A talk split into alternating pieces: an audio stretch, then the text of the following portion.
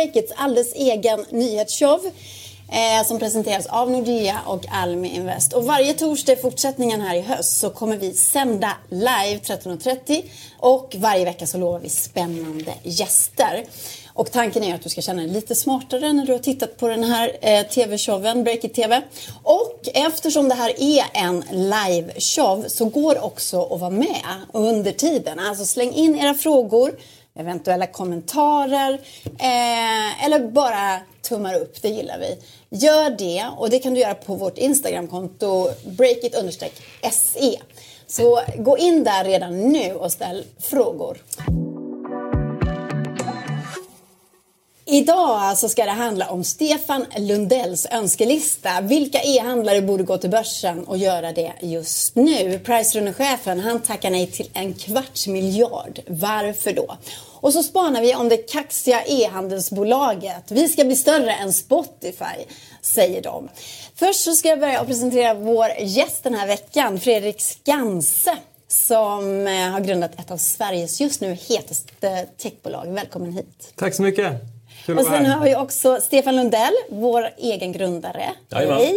Hej hej! hej Funnel är det väl som du kör också om jag inte minns fel? Ja. Du fick aldrig prestera namnet på det, men det är Funnel också. Ja. ja, jag skulle vara lite hemlig. Aha, du lägger upp det så. Mm. Ja, precis. Men du, jag tänkte så att vi börjar med eh, en het nyhet för dagen. För i morse så kom en nyhet om att värmländska spelkoncernen Embracer Group fyller på kassan med hela 6 miljarder. Det är mm. sådär oerhört mycket pengar. Jag vet att du alltid hoppar till och tycker att eh, det blir lite extra spännande då. Ja. Vad tänkte du om den här nyheten? Nej, men jag hoppade till redan igår kväll när det dök upp att de skulle göra en, en så kallad placing då, ut och, och mm. leta reda på lite investerare. Då hade de nog redan kattat manegen rejält tror jag innan de gick ut med det pressmeddelandet. Och sen så natten då så, så stängde de boken och fick in bland annat en stor kanadensisk eh, pensionsfond som är väldigt sådär eh, namnkunnig. Mm. Så jag hajar väl till på det vanliga sättet att 6 miljarder, det pengarna är med. Och, Men jag också hajat till något som jag inte tycker fått så jättelik, kanske inte lika mycket uppmärksamhet. Om man tittar liksom, Breakit vill ju liksom foka på det operativa affären, vad händer framöver. Mm. Men vi tycker också det är kul att lyfta fram lite grann när folk tjänar pengar och, och gör, får liksom, pengar för, för sitt hårda arbete. Mm. Så i den eh, kategorin så noterar jag att, att de också cashar in ungefär en miljard. de okända grundarna, förutom då Lars Wingefors som är liksom mm. frontfiguren där. Så det tycker jag var spännande. Hur många är de då som får dela på de här pengarna? Uh, fyra tror jag de var. Fyra tror jag var. Wow! Så det, det så det är några nyblivna miljonärer? I Karlstad. Ja, Karlstad precis. Ja, så det är kul. Och de pengarna kommer säkert gå tillbaka till ekosystemet i form av investeringar i startups. Så det är, det är kul. Och jag tycker det är spännande för de sitter ju där i, i Karlstad i något lägenhetshus. 14 personer. Alltså huvudkontoret är ju inte så stort. Nej, så tänker man, nej. wow, nu har de blivit jätterika. Ja. Ja. ja. men Wingefors är ju verkligen sån self-made man. Han har ju varit nere för räkning i alla fall en gång tror jag. Alltså i form av, inte, inte fysiskt vet jag inte, men konkursmässigt i alla fall. Eh, och sen kommit tillbaka. Så det är väldigt imponerande entreprenörsresa. Han har ju byggt ett stort företag inom spelsegmentet då.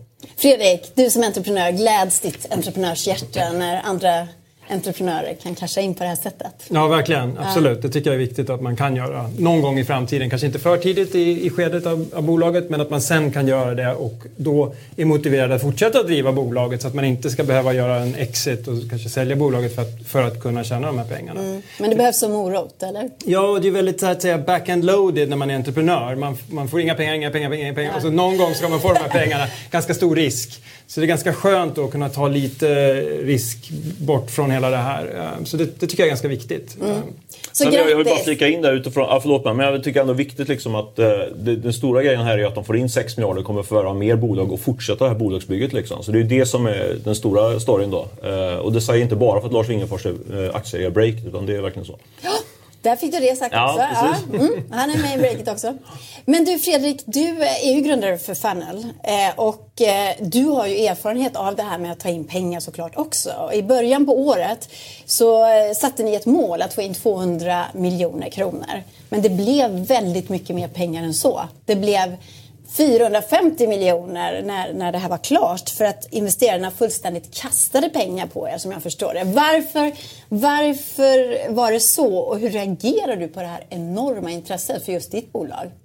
Ja, alltså det tyckte vi naturligtvis var roligt. Uh, och sen baserat på min erfarenhet så behöver man alltid mer pengar än vad man tror. Så vi bestämde oss för, för att ta de pengarna som erbjöds. Mm. Um, och sen två och en halv månad efter det att vi hade fått stängt vår runda så slog corona till. Och då var vi väldigt glada att vi hade tagit de pengarna. Uh, som jag sa förut, det, det, det finns en riskkapitalistbolag i, i Silicon Valley och i det här stora boardroomet där man går in och pitchar så hade de kaffekoppar. Och under kaffekoppen så stod det “Take the money”. vi, vi, tog pengarna och är, är väldigt glada för det. Ja. Mm. Men hur är det att, att, bli så uppvaktad då? Alltså är det nästan som att investerarna fjäskar om att få, få ge dig pengar? Och kan du, då kan du välja och vraka vem du vill ta pengar av när det är på det där sättet? Ja, ibland kan man ju göra det och ibland kan man inte göra det. Jag har varit med om väldigt många fall i vår resa där vi inte har kunnat göra det och varit glada och fått in den här sista investeraren som till slut har stoppat in pengar. Mm. Uh, men när man då har, har chansen att välja så är det naturligtvis väldigt bra. Kan, kan liksom ha lite kriterier för att få in en bra partner. Det är ju, det är en väldigt det är ju en väldigt långsiktig relation. Ofta tar det ju liksom 7, 8, 9, 10 år. Så att, ja, när man väl har, har fått in en investerare så, så är den ju fast en relation. Ja, ni är som gifta. Så är det, ja. ja. Tack så mycket för det. Hörni, vi går vidare. Du tittar alltså på Breakit Live, Breakits egen nyhetsshow som alltså sänds live varje torsdag 13.30. Och här tar vi upp allt från skop till skvaller i den branschen som vi bevakar, det nya näringslivet. Och i slutet av programmet, jag vill påminna igen, så har vi en frågestund. Så släng nu in era frågor i eh, Instagram-feeden breakit-se hittar du på oss, oss, på. Det vore kul att få höra från er. Men nu ska vi snacka börsen, Stefan. Ja, härligt. Den älskar ju du. Ja, mm. i alla fall alltså, hatkärlek till den kan man säga. Ja. ja. Men eh, den är ju het just nu och speciellt när det gäller eh, allt tech. Mm. Allt mm. kan man ju säga. Och eh, inte minst e-handlarna, de går ju som tåget. Eh, eller hur? Ja men verkligen. Eh, det har vi ju sett en längre tid egentligen. Genom, genom hela coronan liksom, så har ju liksom e-handeln fått en, en eh, raketfart då för att folk sitter hemma och så shoppar de på, på nätet istället för att gå iväg till butikerna. Så det är, det är den underliggande trenden. Men då, det man har sett har varit en rejäl uppvärdering av e-handlare på mm. både de amerikanska börserna och på de svenska börserna. Eh, och det tycker jag är spännande. Det, nu Boost eh, kom en vin, omvänd vinstvarning tidigare, år, eller tidigare i veckan och eh, man kan se liksom att värderingar på typ ett bolag som Lyko är väldigt högt nu, fyra gånger i omsättning jämfört med två gånger omsättningen för ett tag sedan. Så det är någonting som jag är exalterad över nu. Mm. Men vad säger du om det, om det här om det går bra för dem? Mm. Eh, ska man sälja sitt bolag då? Nej, men jag tycker ju att man, om man har en e-handlare, om du ska återknyta till vår lilla ingress där, så om man, om man nu till, till äventyrs äger en e-handlare som inte är börsnoterad nu, som går bra, då är det verkligen eh, toppläge att gå till börsen. För det finns ganska få noterade e-handlare i Sverige. Eh, och det man ser nu som är lite halvunikt faktiskt, eh, om man ser historiskt, är att man får väldigt, väldigt bra betalt på på börsen kontra eh, utanför börsen. Om man ser mot li, en, en, lika, en lik, samma bolag så utanför börsen kontra på börsen skulle jag säga ger ungefär kanske 50% bättre betalt på börsen nu. Mm. Så har du någonting som inte noterat så ska du liksom kasta in det på börsen nu. Det är lite grann som är tesen. Och det är det som jag gjort, eh, det var den tesen som gjorde att jag gjort, också gjort en, en premiumartikel på mm. Breakit som jag har gått igenom och kollat på. Vilka bolag borde vara på börsen nu? Jaha. Men det du säger är alltså mm. att om man har ett, ett e-handelsbolag så är det alltså mycket mer lukrativt att gå till börsen och sälja det än att sälja det rakt av till någon. Du får mm. alltså mer pengar för det på mm. börsen. 50% mer skulle jag säga, uh, give or take, 20% upp och ner. Jag blir lite konfunderad. Alltså ja. Jag förstår inte, det är precis samma bolag. Ja, så är det. Så hur kan ja, men så är det. det är därför jag har lite hatkärlek till börsen. Den är ja. liksom inte, på ett sätt inte helt rationell. Men dels så finns det finns en rationalitet i och det är att det finns en, man får betala något som kallas för en likviditetspremie på börsen. Det går mm. liksom att sälja aktierna varje dag på börsen. Men om du, äger, om du har bolaget utanför börsen så måste du leta upp någon som vill köpa aktierna. Det är inte säkert att det går lika fort. Så det, det, det är en orsak till att det kan vara värt lite mer. Men sen är det helt enkelt att eh, det går i cykler och eh, Just nu är liksom e-handlare väldigt poppis på börsen. Mm. Och det finns ganska få bolag som är noterade. Eh, och många vill in i den typen av bolag. Och då blir liksom tillgång och efterfrågan. Eh, ganska många institutionella investerare som driver aktiefonder och pensionsfonder och sånt. De får inte investera utanför börsen. Så de måste liksom hålla sig till börsbolagen. Och då finns det inte den här typen av bolag så ja, drivs mm. priset upp. Så det är logiken till att, till att det går upp. Mm. Eh, så Stefan, du tycker att en rad e-handlare ska gå till börsen. Eh, håller du med honom här? Du sitter och lyssnar Fredrik. Um, men det, alltså, baserat på vad du säger så, så håller jag med om det. Sen tror jag man, man måste titta på bolagen och se vilka kriterier man har för att om man ska gå till börsen. Jag tror en, det finns en jätteintressant artikel som skrevs redan 2014 av en kille som heter Josh Hanna på Matrix Partner. Han skrev så här. That's a great little 40 million dollar revenue e-commerce company you have, call me when it scales. Och, hans, och tesen bakom det är i princip att det är inte så svårt att bygga ett e-handelsbolag upp till 100, 200, 300 miljoner kronor. Därför att du kan använda, du, du liksom köper en sajt på Shop, eh, Shopify, du har lite eh, outsourced eh, lager, du köper sökord, funkar det i Sverige, skalar det i Tyskland och så vidare. Men du kan göra det utan att egentligen ha en särskilt bra tjänst, utan att ha lojalitet du kan visa jättebra lönsamhet, tillväxt ehm, och bygga en viss storlek. Men sen, efter ett tag, så, så kommer det att bli lite för dyrt och det blir dyrare och dyrare att skala det och när du kommer upp i de här 200-300 miljonerna så tar det slut. Och är du ett sånt bolag och du, och du, du är i den här 100-200 miljoner tillväxtfasen, ser allting bra ut, men då ska du inte på börsen för då kommer det att bli väldigt jobbig resa. Så jag tror att just det här med kundlojalitet, varumärke och sånt är viktigt också. Har man det, då, då tror jag det är jättebra att gå börsen. Mm. Du komplicerar lite där. Men Stefan, vi måste höra på din, på din lista som alltså kommer presenteras i en premiumartikel. Då får man hela listan. Precis, men du precis. behöver inte vara så jävla snål utan du kan dela med dig av ja, tre... Pröjsar man för en premiumprenumeration då får man tio bolag. Men här får vi, bjuder vi på tre i alla fall. Och Ja, den ligger faktiskt ute, Stefan. så det är bra. Eh, och kontaktar mig direkt så kanske jag kan ge en liten rabatt också på premien. Vi får se. Eh, nej men absolut, jag har tagit fram, jag har tagit lite grann ändå på det som du är inne på Fredrik. På, på liksom försökt göra någon form av analys. Dels så snackar jag som jag alltid brukar göra med smarta investerare. För de, Mm. de har ju mycket bättre koll än mig.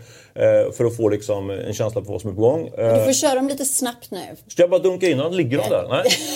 De kommer. Nej, men kommer. Nej, men jag vill bara ge lite grann bakgrunden och sen så kollat lite grann på vad det är, hur um, ja, men omsättning och resultat så att de får liksom, så att de kan kvala in då. Och eh, ska jag dra listan nu? Mm. Ja, vi är supernyfikna. Första bolaget är Apotea. Apotek. Det känner alla till. Eh, det skulle vara en dröm på börsen. Alltså börsen, eller att investera på börsen älskar Apotea. Eh, de kommer gå över 3 miljarder tror jag omsättning i år. Och eh, allting, det enda som talar emot är egentligen Per Svärd och de andra ägarna. För de är nog ganska så nöjda med att inte ligga på börsen. För att det, det tuggar på och de gör, gör rejäla utdelningar och sådär. Men de, skulle- de vill, jag känner ju Per Svärd som lite han vill ju liksom ändå ta någon form av världsherravälde. Liksom. Så det, det skulle vara en bra väg framåt på börsen. För då får du väldigt mycket exponering. Och sen tror jag också att Per Svärd skulle tycka det var lite kul att vara börs också. Så det är mitt första case. Ska jag ta nästa? Nummer två. Nummer två, Desenio. Känner du till dem? Det gjorde du inte igår när vi pratade om det här förut. Ja, men, nu jag det. Ja. men jag har faktiskt hört talas om dem. De säljer planscher på, Mm. på nätet. Alltså, Folk är ju uppenbarligen, älskar ju att köpa planscher. Jag vet inte. En riktig nischmarknad, Ja. men på ett bra sätt. Ja. Och väldigt lönsam. eller Ja? Ja. sjukt lönsamma. Och de har du plockat upp på den här listan. Ja men absolut och det är precis det som Fredrik är inne på. Det är lönsamt. De är inte så jättestora. De omsätter tror jag 300 miljoner ungefär. Mm. Men har en lönsamhet för att titta på min... Nej så här är det faktiskt. De omsätter typ 400-500 miljoner. Men enligt mina källor så kommer de göra ungefär 200 miljoner kronor i vinst i år. Så det är en fantastisk lönsamhet. Mm. Och det är också ett bolag som, om jag då ska fortsätta upprepa mig, på börsen skulle jag älska. Det skulle det verkligen vara. Och de har ju då om jag inte helt missminner mig, eh, riskkapitalbolag som, eh, som de, stora delägare. Och de vill ju mer eller mindre alltid casha in liksom. Det var ju lite taskigt sagt. Men jag menar, de, deras uppdrag är ju att, hela tiden ta chanser. Så, säga. så de skulle, tror jag mer, har mer liksom en benägenhet att röra sig på börsen jämfört med Per Det har säkert gått jättebra för dem under corona när alla ska fixa till sina hem och, och liksom köpa nya planscher och rama in och sådär. Säkert, Ja. säkert. Ja, men det har det ju uppenbarligen. Det vet ju mina källor. 200 miljoner i vinst. Men du, tredje bolaget då? Ja, det är en lite kul bolag, tycker jag faktiskt. Kul och kul. Udda bolag. Ink Club, du känner till det? Ja. Säljer ju bläckpatroner på, på nätet. Eh, låter, som, låter som en väldigt enkel och nischad business. Man säga. De, jag tror att de säljer var tredje bläckpatron som säljs, eh, säljs via Ink Club, enligt dem själva. Men det låter ändå lite gammeldags. Alltså i ett digitalt kan kontor. prenumerera, eller hur? Ja, prenumerera. Och eh, min medgrundare Ola Aronsson köpte senast igår. Blev han kund på så, jag, vi- man, jag, skriver, jag skriver ut det här nu. Liksom, så, så det, är ändå, liksom, det Jag tänker bara att man ändå- skriver ut mindre och mindre, är det inte så? Så är det väl. Det kanske, på sikt är det potentiellt en krympande marknad. Men har man en stor del utav en krympande marknad så kommer de kunna överleva många år framöver. Och jag får titta här också. Så man ser på, de omsätter nästan en miljard och gör en vinst på nästan 200 miljoner kronor. Och storyn är ju kul, med, eller kul, det är lite blandat där. Men Lennart Nyberg grundade ju eh, Inclub för ett antal år sedan. Sålde det till ICA eh, och fick eh, en eh, rätt rejäl hög med pengar. Sen köpte han tillbaka det till ish halva priset. Och nu har han byggt upp ett bolag som är värt om det skulle sättas på börsen, vad tror du? 200 miljoner, om det skulle kunna 2-3 miljarder kanske eh, i börsvärde. Så han, men sen finns det också en twist med Lennart Nyberg. Han har ju faktiskt, han har faktiskt eh, suttit i fängelse. Han har Eh, suttit i fängelse? Ja. Mm. Han, för, Vad gjorde han då, då? För när han sålde Inclub så, så startade han ett annat företag som skulle helt enkelt piratkopiera designmöbler. Mm. Uh, han var helt öppen med det. Det var liksom hans idé. Så det var inte så att han Eh, jag blev nästan lite chockad när jag läste på det. Alltså, för det var verkligen så att han fick två års fängelse på det här och, och rejäla böter. Liksom typ 15, 20, 30 miljoner böter på det. Mm. Så att han har ju det i bagaget. Och sen ska man väl säga då att, eh, att han är ju inte den som frontar bolaget längre. Men jag kollade på Bolagsverket innan vi började sända här. Det är han som kontrollerar bolaget. Så, det är liksom mm. hans...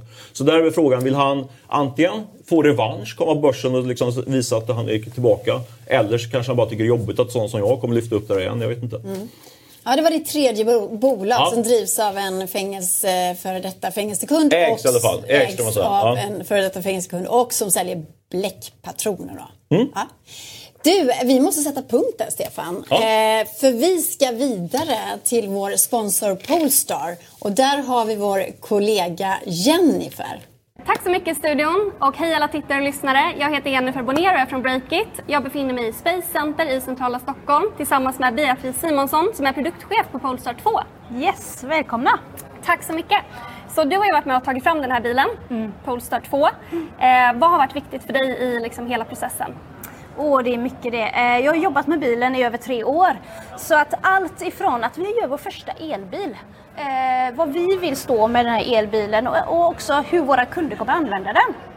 Så allt ifrån låg tyngdpunkt på batterierna eh, tillsammans med motorerna ger den här riktiga körglädjen på bilen. Så vi har jobbat mycket med chassisetappen. Vi har jobbat naturligtvis med den fantastiska designen på bilen och alla tekniska features runt om i bilen. Jag måste också säga då vårt samarbete med Google med infotainmentsystemet eh, som har Google Assistant, Google Maps och, och, Google Play Store rakt in i bilen som gör att det blir väldigt enkel och härlig känsla. Exakt. Eh, och precis, du pratade lite om features som bilen ja, har. Precis. Eh, som produktchef då, vad är dina, vilken är din favoritfeature? Vi har ju en möjlighet med denna bilen att ha eh, One Pedal Drive vilket innebär att du egentligen gasar och bromsar med en pedal. Så det, för dig som kund så är det ju otroligt enkelt och skönt att köra bilen. Eh, och även när du bromsar med den så renigerar det tillbaka till batteriet så att du all, faktiskt får en längre körsträcka. Perfekt! Ja. Och mm, tack så jättemycket för att eh, vi fick komma, Beatrice. Jättetrevligt. Och tack eh, Polestar för att ni sponsrar det här inslaget. Mm. Tillbaka till studion. Tack så väldigt mycket för det Jennifer. Break It Live är tillbaka. Och nu så har vi fått in ännu en person i vår studio, Tobias Blixt. Hej och välkommen. Hej Kat. Vi har alltså Fredrik Skanse här, också från Funnel, som är veckans gäst. Och Stefan Lundell, du vägrar att gå härifrån. Ja, jag har kommit in i tv-studion så stannar jag. Nej, men jag är så glad att du är här. Du vet, eh, vi, vi pratade just om e-handelsbolag och när det gällde din lista där, nu ska vi dra den igen. Apotea, Eh, Denisio Denisio och, och Link, Inclub. Inclub. Ja. De tycker du ska gå till börsen.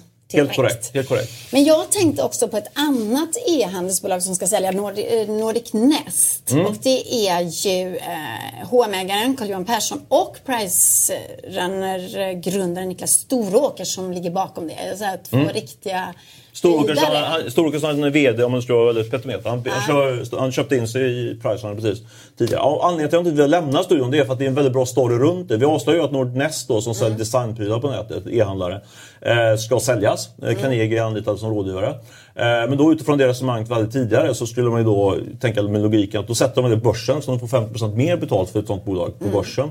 Om jag har rätt nu. Om Fredrik kommer ändå lite mer så substanser. Så jag hoppas att det stämmer. Eh, men de kommer inte göra det. Utan de kommer i princip tacka nej till en kvarts miljard. De kommer sälja bolaget för en, för en kvarts miljard mindre utanför mm. börsen. Mm. Och då undrar du kanske varför då? Ja, jag tycker det låter oerhört korkat faktiskt. Att ja. bara tack, men nej tack. Vi kör så här. Jag ska vara tydlig här med att det här är ju, det här är ju eh, ganska, lite så här, spekulationer och snack på stan. Men eh, jag är helt säker på att de kommer sälja utanför börsen. Eh, kanske får äta upp senare. Men, eh, och orsaken till det då, nu börjar jag komma in lite på spekulationer. Men då, mm. Carl-Johan Persson, han äger ett klädbolag som du känner till kanske, eh, H&M, mm. eh, mångmiljardär.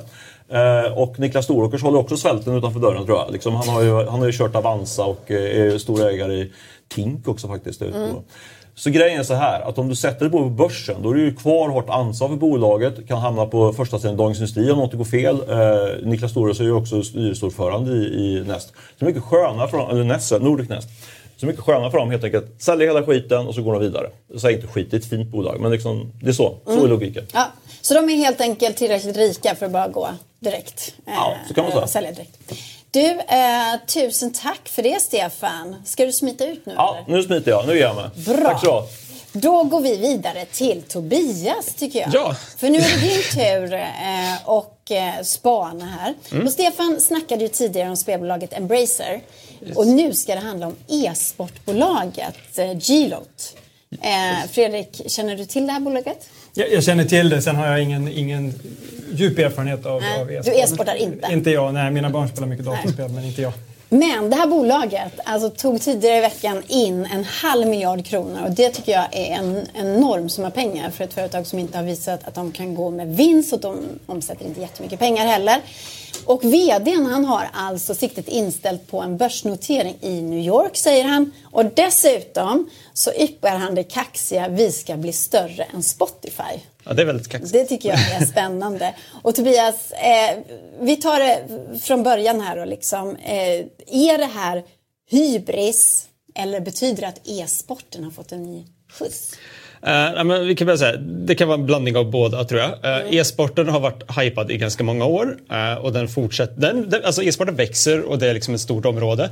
Uh, man brukar prata om att gaming är väldigt stort och det är det. Man kan, ju- men det är också viktigt att dra gränserna. Jag tycker att e-sport är liksom tävlingsaspekten av spelindustrin. Så i- spelindustrin är liksom en tusen miljarders marknad. E-sporten är en stor men ganska liten del av liksom hela den branschen. Och det var inte så länge sedan som vi faktiskt började prata om e-sport. Om du skulle bara bygga en bild av liksom hur e-sporten har utvecklats i Sverige. Ut? Ja, men så här, först e-sporten som begrepp kanske 90-talet någon gång när det började bli Starcraft Men i Sydkorea här. Men, men, men, men det, ja, det är ju inte så länge sedan heller. Men alltså så här, vi började prata ganska kraftig e-sportshype 2015, 2014 här i Sverige. Liksom, det var då som Ja, men runt det som MTG köpte upp ESL bland annat och DreamHack, de här stora organisationerna. Man sa att nu ska vi satsa på e-sport, satte legitimitet i e-sporten liksom, genom MTG. Eh, och det var då man började prata, Metro gjorde om hela sin sportsida, sportbilaga till e-sport för en dag, tog in Heaton, eh, gamla e-sportproffset som krönikör. Man lämnade in en ansökan till Riksidrottsförbundet ungefär samma dag. Det tror jag det var lite av en kampanj man var med i där.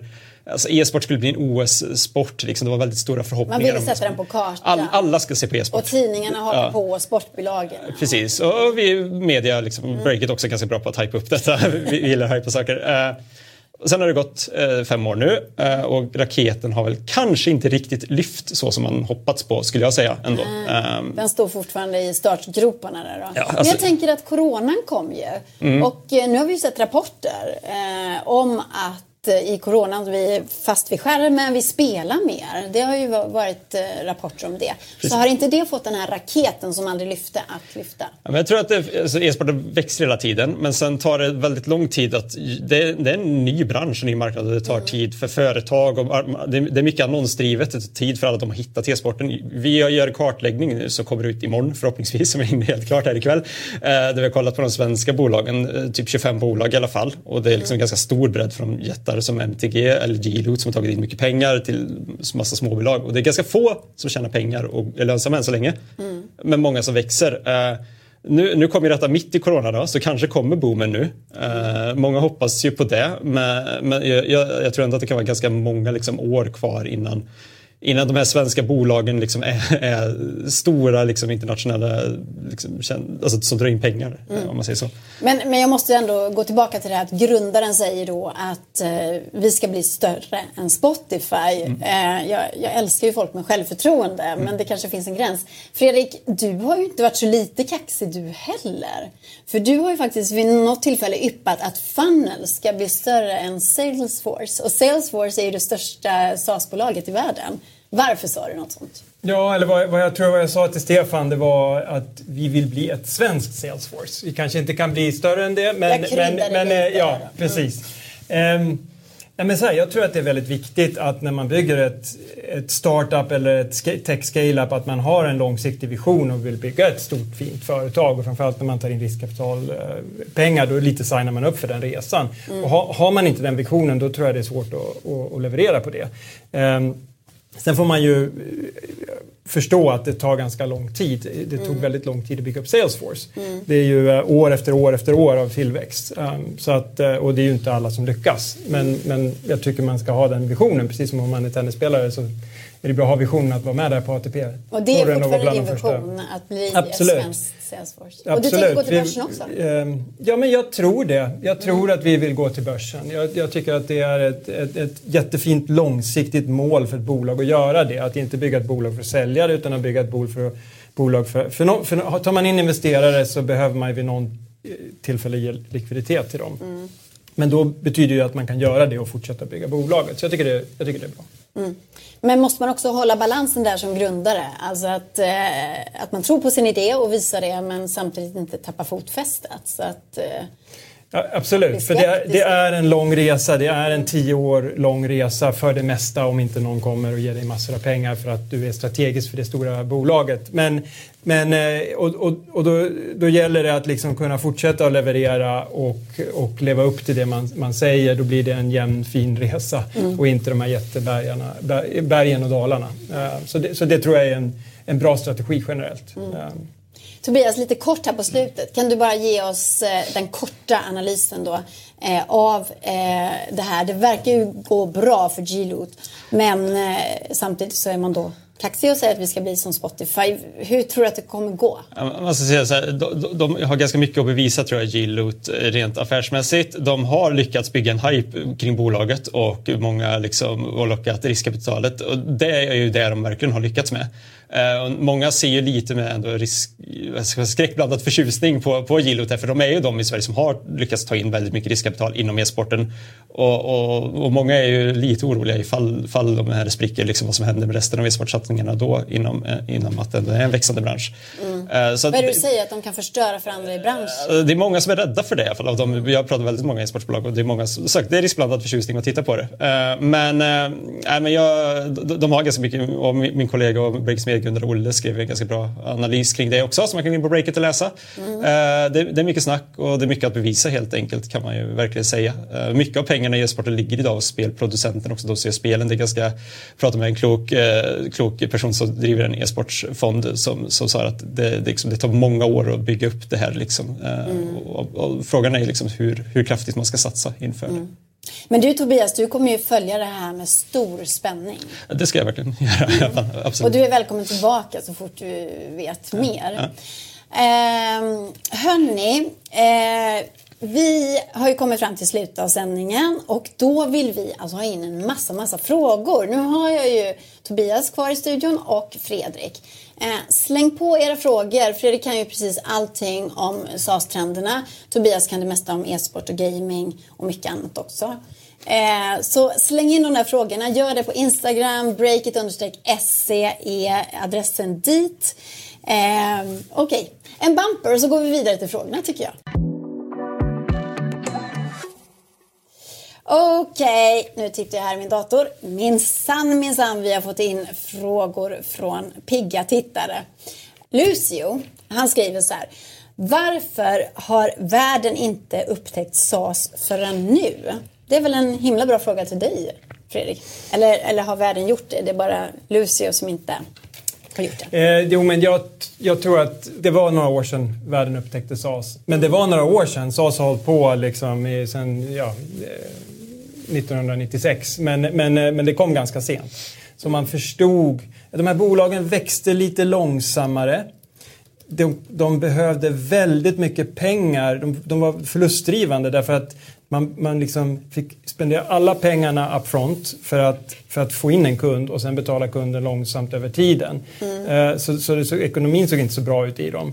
Men sen när de började bli lite större så såg man att då började de bli lönsamma, fortsätta att växa och fortsätta och fortsätta och bli mer och mer lönsamma, fortsätta att växa. Och då, då började folk se första bolaget som var värt en miljard.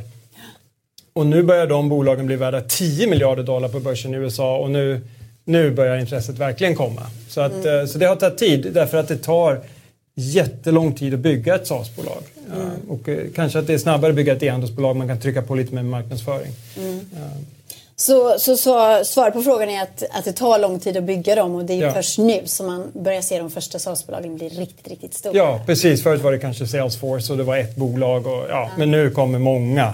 Och alla verkar ha väldigt fina siffror och ekonomi. Och, ja, då, då, då hakar folk på trenden och börjar prata om det. Eh, jag, vi har också fått- fått in en fråga från Lilly här. Hur har SaaS-branschen påverkats av Corona? Tobias, jag är ledsen, du får inte vara med. Nej, jag- jag Fredrik. Det är oerhört- mycket intressanta personer att fråga frågor till tror jag också. Så. Ja, Eh, Ja, så väldigt intressant. Så när, när, SAS, när, när corona kom så då, då dök alla aktier, då dök SAS-aktierna ganska kraftigt. De, de, de gjorde det under två veckor och sen började de gå upp och sen kom de ganska snabbt upp till en nivå som var över vad de var innan corona, vilket förvånade många, inklusive mig. Och då kan man fråga varför är det så? Eh, ja, jag, jag tror två anledningar. Ett så visar det sig att eh, har man en prenumeration, man har årliga kontrakt så händer det inte så mycket med dem. Eh, så det är en ganska robust modell. Eh, och sen har ju hela, hela aktiemarknaden omvärderat teknik. Förut var det ganska riskabelt med teknik, ansågs riskabelt.